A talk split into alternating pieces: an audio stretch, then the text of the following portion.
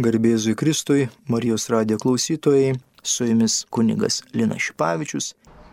Džiaugiuosi, kad domitės šventų raštų Dievo žodžiu, nes tai yra amžina. Visi kiti dalykai nėra amžini. Dievo žodis yra amžinas ir jisai veda į amžinybę.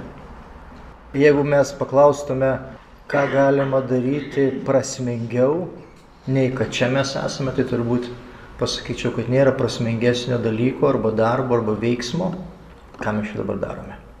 Skaitome Dievo žodį, kuris yra užrašytas labai senai, kuris yra saugomas, kuris yra perdodamas iš kartos į kartą kaip tradicija. Kalbėsiu apie Evangelijas. Pačioje pradžioje galvoju kalbėti truputėlį tokią paskaitinę formą, bet e, manau, kad tai nebus taip įdomu. Paprasčiausia, kalbėsime apie tekstą ir jeigu tekstas reikalaus kažkokio tai paaiškinimo gilesnio, tai mes į tą paaiškinimą ir įžengsime. Jeigu tekstas nereikalaus to paaiškinimo, tai mes keliausime tekstu.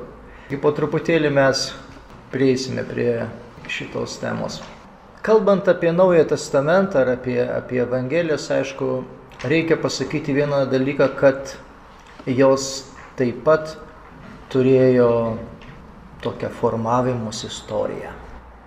Nebuvo taip, kaip kartais mes galvojame, kad štai atsisėdo evangelistas Matas vieną dieną, pagalvojo ir parašė Jėzaus gyvenimo istoriją.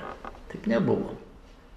Tai buvo labai ilgas laikas, kuris formavo tą Naujojo Testamento raštyje.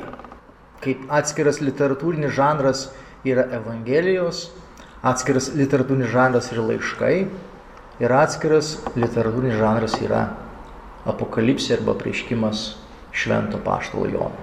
Pirmaisiais amžiais, kada pradėjo jau būt surašomas Naujas testamentas arba galbūt kaip tik tai pradėjo jau formuotis, vis dėlto tokia savoka buvo, kas yra šventas raštas. Tais laikais žmogui buvo suprantamas, kad tai yra Senasis testamentas. Skaitome pirmųjų krikščionių liūdėjimus, kada susirenka pas kažką tai į namus švęsti Euharistijos ir rašo, kad skaitė raštus, o paskui apaštalų Paulius laiškus.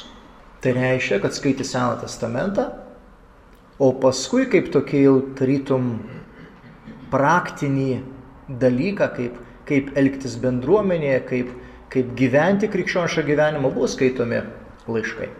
Ką aš noriu pasakyti, kad pačioje pradžioje šventas raštas buvo suprantamas tik tai senasis testamentas. Ir tik tai vėliau, kada jau krikščionybė atskyla nuo sinagogos, kada krikščionybė pradeda jau pradėti ieškoti savo to identiteto, jinai pradeda formuoti, kad tai ir naujo testamento raštyje jinai įgauna švento rašto statusą. Ir tuomet pradeda jau kitaip žiūrėti į Naujojo testamento raštyje. Nes iki to momento, kiek yra pavyzdžiui Naujojo testamento rankraščių? 5500 skirtingų rankraščių. Nes viena bendruomenė turėjo, kita bendruomenė turėjo, trečia bendruomenė turėjo. Ir iš tikrųjų paskui tie perrašinėtojai kopistai, jie, tarkime, labai įdomus dalykas, kada buvo kopijuojama arba perrašėjama Luko Evangelija. Ir jie galvojo, kad iš tikrųjų Mato Evangelija yra tikresnė ir tie perrašinėtojai pataisydavo, sakykime, Luko Evangeliją pagal Matą. Nes dar nebuvo švento rašto tokia samprata. O kada jau vėliau ateina, kad tai yra taip pat mūsų krikščionių šventasis raštas, tuomet jau buvo kiekvienas žodis saugojamas kiekvienas sakinys saugojimas ir kiekviena savoka saugoma. Aš truputėlį noriu jūs taip išmušti iš, iš tokios mąstysenos, kad jau ten pirmais amžiais iš karto čia paėmė, parašė ir čia iš karto užtvirtino su ant spaudais, kad čia yra šventas raštas. Naujas testamentas. Tai nebuvo, tai atėjo. Atėjo su laiku. Iki to momento, kada jisai tapo lygus lygus su Senuoju testamentu. Ir žinome puikiai jau iš paskaitų, kad pačioje pradžioje buvo rašyti laiškai. Pašlas Paulius kuris pradėjo misijas ir kas įdomiausiai, jo misijų iniciatorius buvo šventasis apaštas Barnabas, kuris įtakojo misijas. Jisai atvykdavo, toks labai įdomus iš tikrųjų apaštalo Paulius buvo veikimas, jisai atvykdavo į tam tikrą bendruomenę, su jie gyvendavo kažkokį tai laiką, matydavo jų problemas ir paskui išvykęs į kitą bendruomenę atsisėsdavo ir parašydavo tą jau buvusi bendruomeniai laišką. Ir matydamas jų problemas, pabrėždavo jas arba atsakydavo, arba pamokydavo. Toks jau buvo e, stilius apaštalavimo. Ir kas įdomiausia, kada jisai apvažiuodavo, sakykime, savo ten tas kabutėse parapijas, visą laiką nuvažiuodavo į Jeruzalę ir duodavo ataskaitą apaštalams. Ir paskui vėl. Ir jo vyko trys kelionės. Taigi pačioje pradžioje yra laiškai. Galima sakyti tokie pastoraciniai laiškai, bet jau kai kur jaučiamas ir tas teologinis svoris. Bendruomenės iš tikrųjų kėlė labai svarbius egzistencinius klausimus. Jėzaus Kristaus kaip asmens klausimas, bažnyčios klausimas ir aišku, amžino gyvenimo klausimas. Tokie trys yra klausimai, kurie yra keliami pirmųjų krikščionių. Kas liečia Evangelijas, jos buvo pačioje pradžioje skelbiamos žodžiu. Nes apaštalai, apaštalų mokiniai, jie matė tuos visus įvykius gyvai ir nereikėjo pačioje pradžioje užrašyti. Vėliau, kada jau keičiasi žmonių kaita, buvo nuspręsta surašyti Jėzaus žodžius, Jėzaus pasakymus kuriuos dabar mes vadiname Evangelija. Pačioje pradžioje nebuvo tokia, tokia forma, ką mes dabar turime. Pačioje pradžioje buvo surašyti tam tikri Jėzaus pasakyti žodžiai arba posakiai. Ir vadinasi graikiškai logija. Jėzaus pasakyti žodžiai, nes graikiškai logos yra būtent žodis. Paskui pradėta truputėlį plėsti, kas išaugo iki dabartinės formos. Ir įdomu tai, kad sutinkame mes pirmajame laiške korintiečiams 15 skyriuje, tai yra pirmoji evangelija, kada apaštlas Paulius sako, Jėzus Kristus kentėjo, numirė ir trečią dieną buvo prikeltas. Tai yra pati trumpiausia evangelija susidinti į vieną sakinį. Ir tik tai vėliau pradėta jau vystyti arba auginti tą tekstą. Ir aišku, jeigu žiūrėtume truputėlį iš šoną ir žiūrėtume į aplinką ir žiūrėtume į, sakykime, greijų kultūrą arba, arba, sakykime, tą romėnišką kultūrą, mes sutiktume, kad ten taip pat buvo labai populiaru aprašinėti kažkokių tai labai svarbių žmonių istorijas. Ir jeigu mes taip sulygintume, tai pasakytume, tai čia nieko tokio išskirtinio. Tarkime, graikai turi savo didvyrių istorijas, Romos imperija turi savo didvyrių istorijas, krikščionybė turi taip pat savo didvyrio istoriją, kuris buvo Dievo sūnus. Bet, vienas yra bet. Evangelija arba Evangelijos tekstas arba evangelinis pasakojimas į pasaulį įžengia kaip naujas literatūrinis žanras. Ir jisai priskaitomas būtent evangelistui Morkui. Nes Morkus yra pirmasis evangelistas, kuris parašė Evangeliją pagal Morku. Datuojama kažkur tai 64-67 metai. Pirmasis apaštalo Pauliaus laiškas berots tesalonikiečiams datuojamas 47 metai. Dabar kaip, kaip atrodo tas visas, visas tas turinys. Kas buvo svarbiausia paštalams, kurie skelbė Jėzaus Kristaus tikėjimą ir skelbė jo asmenį. Įrodyti, kad jisai buvo Dievo sūnus. Ir per ką tas įrodymas vyko? Per kalbėjimą, kad jisai, būdamas Dievas ir žmogus, tikrai kentėjo ir buvo trečią dieną prikeltas iš numirusių. Įdomu labai, kad Daugelis lietuviškų tekstų švento rašto verčia sangražą prisikėlė iš numirusių. Bet graikiškas tekstas sako, buvo prikeltas neveikiamosios rūšies veiksmažodis. Jurienas visada verčia neveikiamąją formą ir tai yra teisinga. Gali kas nori kritikuoti Jurieną, bet aš iš tikrųjų tai labai vertinu. Lietuvių kalba yra pats geriausias vertimas, ką mes turime. Kas liečia pažodinį vertimą, kas liečia literatūrinį vertimą arba kas liečia šiaip, kad skaityti šventą raštą, aišku, aš už Česlovo Kavaliauską. Nes Jurienų ilgai nepaskaitysi, paimkite Jurieną, ten kokį vieną puslapį, du puslapius perskaitis, pradeda jau tave tekstas varginti. O Česlovo Kavaliauską gali skaityti kaip romaną. Bet jeigu mes žiūrime į tą tikslumą, mes turime paskaityti būtent Algirdą Jurieną. Tai štai, paštalams ir pirmai bažnyčiai buvo labai svarbu pabrėžti Jėzaus dieviškumą. Dėl ko? Dėl to, kad jie kovojo su sinagoga. Dėl to, kad jie buvo būtent toje Palestinos teritorijoje. Palestinos teritorija, aišku, buvo ta monotenistinė religija į vieną dievą, į Seno testamento dievą. Štai atsiranda tam tikra grupelė, kuri teigia, kad ne tik tai Jėzus buvo pranašas, bet taip pat buvo ir kur kas daugiau - Dievo sūnus.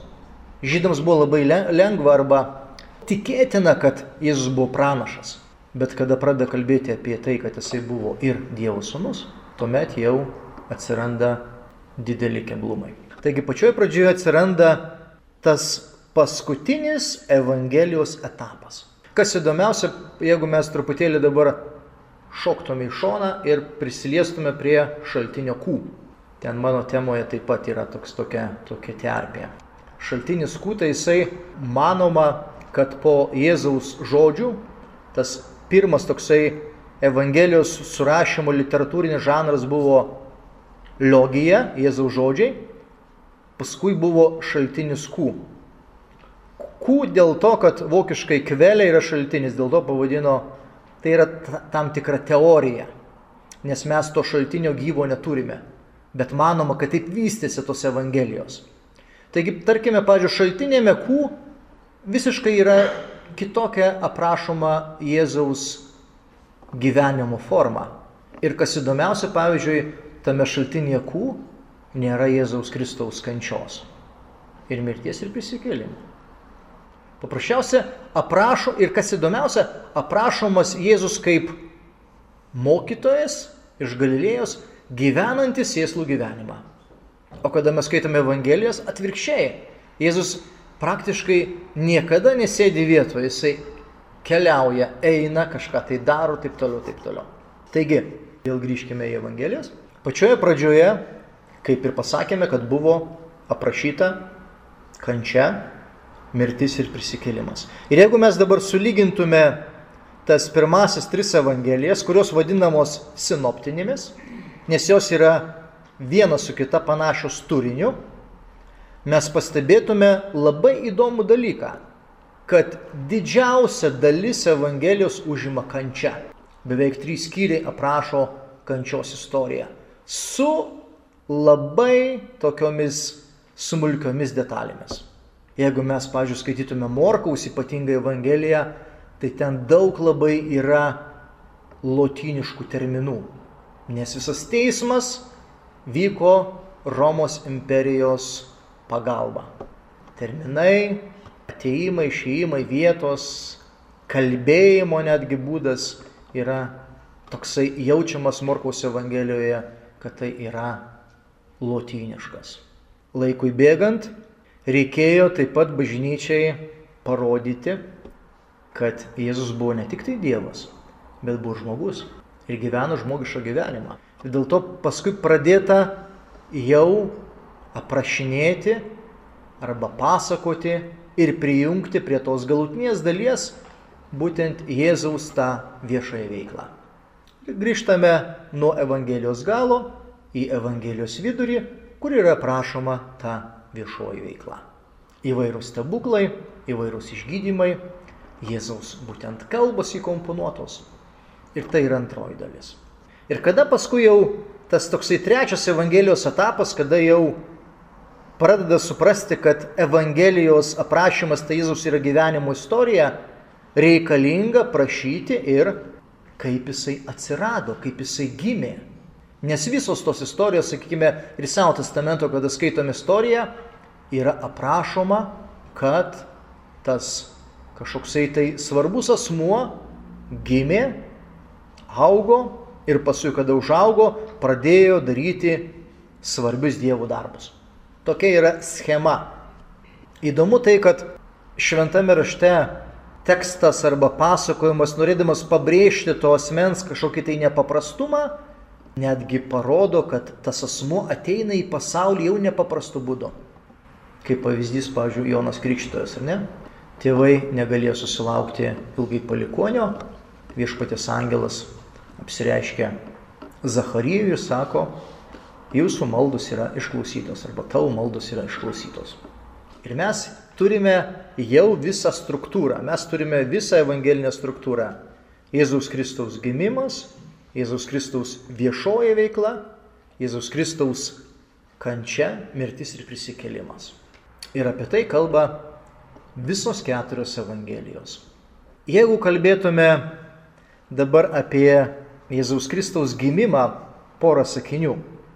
Čia evangelistams buvo sunkiausias išbandymas kaip aprašyti, kaip skaitytojui papasakoti apie Dievų sūnaus gimimą. Ir yra dvi tradicijos.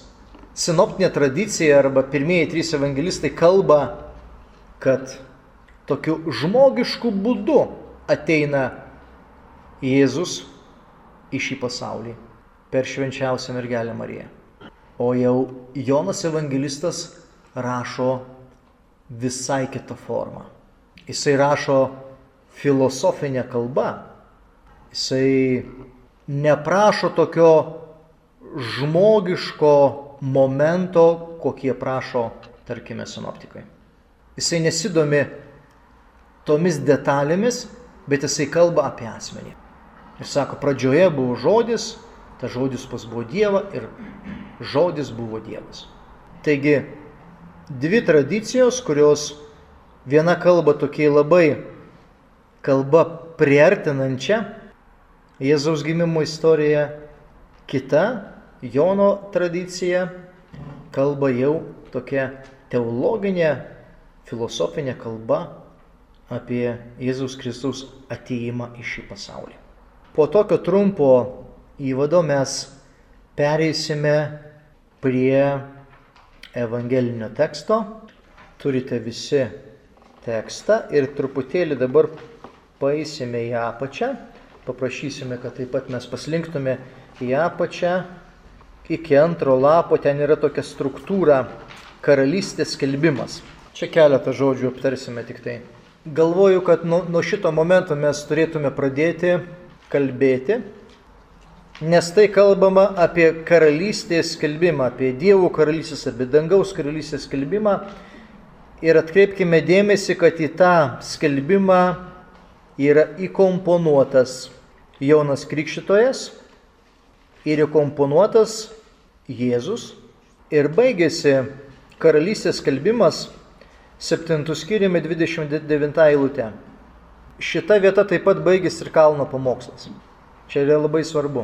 Tai yra neatsiejama dalis Jono Krikščitojo pasirodymas arba viešoji veikla ir komponuojamas būtent tas kalno pamokslas, kuris pasibaigė 7 skiriami 29 eilutę. Pačioje pradžioje kalbama ta pirmoji dalis, pasakojimas arba naracija. Labai populiarus dabar žodis, ypatingai tarp teologų, naracija. Naracija reiškia iš latiniško žodžio naro narare pasakoti. Kad moksliškiau būtų, kartais teologai naudoja tarptautinius žodžius, kad žmonėms sukelti tokį o čia kažkas tai moksliško. Taigi, naracija yra pasakojimas apie Jono Krikščitojo veiklą ir Jėzaus veiklos pradžią. Ir mes pabandysime šį susitikimą kalbėti apie Jono Krikščitoją ir jeigu pavyks ir laikas leis, kalbėsime apie Jėzaus gundimus. kada formavosi evangelinis tekstas ir kada formavosi krikščioniškasis samoningumas, jaučiame truputėlį tokie tam tikri momentai arba tam tikros įtampos. Tarkime, kada skaitome Morkaus Evangeliją, kuri parašyta maždaug iki 64 metų, mes nejaučiame tos įtampos iš sinagogos arba iš žydų tarpo. Bet jeigu mes atverčiame, pavyzdžiui, Jono Evangeliją, kuri datuojama maždaug iki šimtųjų metų buvo susiformavusi, mes jaučiame, kad vos ne antroje eilutėje yra įvardinami arba linčiuojami žydai. Žydai atėjo, žydai pasakė, žydai padarė. Jeigu dabar reikėtų išrinkti patį, patį tokį pirmoje vietoje didžiausią veikalą antisemitinį, tai pasakytume, kad Jono Evangelija. Nes ten labiausiai, labiausiai yra pabrėžiamas judas negatyvumas. Taigi matome iš tikrųjų, kad prie evangelinio teksto arba prie evangelinio turinio taip pat prisilietė ir ta aplinka ir politinė situacija. Ir jaučiama taip pat, tarkime, Evangelijose, kad pačioje pradžioje, kada jau jinai buvo surašyta, arba bandoma surašyti, per daug nenorėta turėti nieko bendro su judaizmu. Nes kada krikščionis po 70 metų po Jeruzalės sugravimo išvyjo iš sinagogos, krikščionys pradėjo jausti labai didelį priešiškumą judaizmui. Ir tarytum jaučiama, kad buvo taip manoma, kad krikščionybė, Jėzaus Kristaus skelbimas tai yra tik tai krikščionybės reikalas. Ir taškas. Bet vystantis paskui buvo suprantama, kad neįmanoma vien tik tai ant Kristaus asmens pagrindo skelbti Evangeliją. Taigi paskui skelbiant Evangeliją buvo suprasta, kad reikalingas tam tikras pagrindas. Ir tam tikras pagrindas yra būtent Seno testamento turinys. Dėl to, pavyzdžiui, Mato Evangelijoje yra daugiausia citatų iš Seno testamento tarytum pabrėžti, kad, kad e, čia kas vyksta Nuomi testamente, tai yra Seno testamento pranašystės. Čia kas vyksta arba kas čia, kas čia yra kalbama, tai yra išsipildymas Seno testamento pranašų. Ir dėl to reikalingas Evangelijai, aš taip kalbu dabar taip jau labai techniškai, tas Jonas Krikštojas. Jis reikalingas pačioje Evangelijos pradžioje kad parodyti skaitytojui, kad tai yra Senojo testamento tasa. Jonas Krikščitojas yra paskutinis Senojo testamento pranašas, kuris atėjo paruošti Jėzui Kristui kelią. Kviečiu dabar žvelgti į trečiąjį skyrių. Nuo pirmos iki dvyliktos eilutės Evangelija pagal matą kalba apie Jono Krikštojo veiklą. Jau kam įdomu, iš tikrųjų yra netgi pas Jozapą Flavijų žydų istorijoje paminėtas Jonas Krikštojas. Tai yra tikrai asmo, kuris gyveno istoriškai, kuris istorinė asmenybė. Nes čia XIX amžiuje buvo labai madinga kelti diskusiją, ar, sakykime, ar tai vienas, ar tai kitas, pavyzdžiui, biblinis personažas buvo kaip istorinė asmenybė, ar tik tai buvo išgalvota uh, autoriaus. Taigi, Jonas Krikštojas tikrai buvo istorinė asmenybė ir apie tai kalba Jozapas Flavijus. Pirma dalis trečios skyriaus pasakojimo yra Jono Krikštojo pasirodymas. Dabar, ką mes čia analizuojame, pirmoji eilutė yra Česlavo Kavaliausko vertimas, graikiškas tekstas ir paskui šalia vertimas yra pažodinis. Kartais tas pažodinis yra toksai gremėzdiškas, bet paprasčiausia, kad mes galėtume truputėlį suprasti tą originalų šventai tekstą.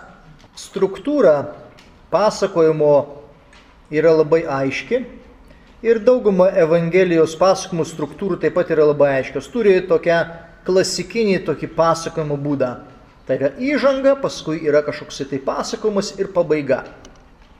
Jeigu žiūrėtume į tas sinoptinės evangelijas, irgi tokia klasikinė struktūra pasakojimų, tai tik tai Luko evangelijoje yra tokia parašyta įžanga, o šiaip tai kitose evangelijose mes nesutinkame tos įžangos. Anomis dienomis pasirodė Jonas Krikščitojas. Jis skelbė judėjos dykumoje. Anomis dienomis arba tomis dienomis pasirodė, galima versti ir atėjo arba atvyksta Jonas Krikštojas skelbdamas dykumoje judėjos. Egzegetams, kurie analizuoja šventąjį raštą, ypatingai Naująjį Testamentą, jiems yra labai svarbu tos visos gramatinės formos. Ir Naujame Testamente labai dažnai naudojamas esamasis laikas, kuris vadinamas tokiu techniniu terminu presens historikum. Tai yra esamasis istorinis laikas. Tarytum tas įvykis jau yra įvykęs, bet autorius norėdamas parodyti, kad tai yra labai dinamiška, jisai naudoja tą esamąjį laiką, kad vyksta tarytum čia ir dabar. Ir čia tas pasakojimas prasideda būtent esamųjų laiku. Tomis dienomis atvyksta arba ateina Jonas Krikštojas, skeldamas dykumoje judėjęs. Tas žodis keryso, iš, iš jo yra kilęs daiktavardis kerizma, paskui mes turime taip pat tą kerigmą, tikėjimo kerigmą, tai yra kažkas tai tokio nepaprasto. Ne šiaip sausiai kažką tai kalbėjo, bet tas, po to žodžius lepiasi, kad tai yra nepaprasti dalykai. Nepaprastus dalykus Jonas Krikštas kalbėjo. Jisai kalbėjo Dievo vardu. Žinome puikiai, kad pranašas tai yra tas, kuris skelbė Dievo žodį arba Dievo valią. Nepranašauja ateities, kaip mes suprantame iš termino pranašas. Šventame rašte pranašas tai yra tas, kuris skelbė Dievo žodį arba skelbė Dievo valią. Dykuma. Dvi geografinės vietos yra labai svarbios šitame pasakojime. Tai yra dykuma ir tai yra Jordano upė. Dykuma tai reiškia ta vieta, kur Izraelio tauta keliavo per ją į pažadėtąją žemę. Kartais klausau pamokslininkų, kurie kalba, sako, Izraelio tauta klaidžiojo 40 metų po dykumą. Izraelio tauta neklaidžiojo. Izraelio tautą Dievas vedžiojo arba vedė per dykumą 40 metų. Nes jie klausė Dievo balsą. O ne taip, kad jie nežinojo, kur eiti ir tą 40 metų ten, kaip sakoma, blūdino po dykumą. Taip nebuvo. Izraelio tauta buvo vedžiojama po dykumą. 40 metų. Kad išmirtus ta senoji karta, ir kad naujoji karta galėtų įžengti į pažadėtąją žemę. Taigi, pirmas tas simbolis dykumos, aišku, gali būti ir tas Dievo artumo, Dievo veikimo, bet iš kitos pusės tai yra tokia labai atšiauri vieta. Ir kartais taip pat sutinkame komentaruose arba, tarkime, kažkokiuose tai straipsniuose, kad sako, vat, dykuma tai yra ta vieta, kur labiausiai Dievas veikia, kur žmogus gali išgirsti Dievo balsą. Šitą interpretaciją tinka tokiame dvasinėme lygmenyje, kada mes skaitome tokius lengvus dvasinius esėjus. Bet kada mes gilinamės į šventą raštą, mes turim pasakyti, kad dykuma tai yra iš tikrųjų pavojaus vieta, nes ten yra pavojinga.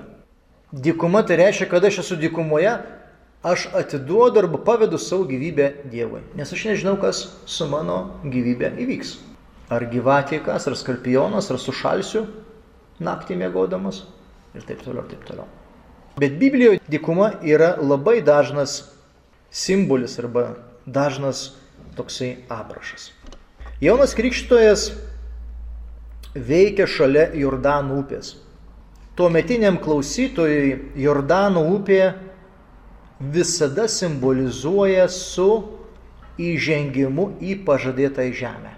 kada Jozuė veda tautą į pažadytą žemę, jie peržengia arba pereina Jordano upę sausomis kojomis, kaip Izraelio tauta perėjo Meldų arba Nendrių jūrą.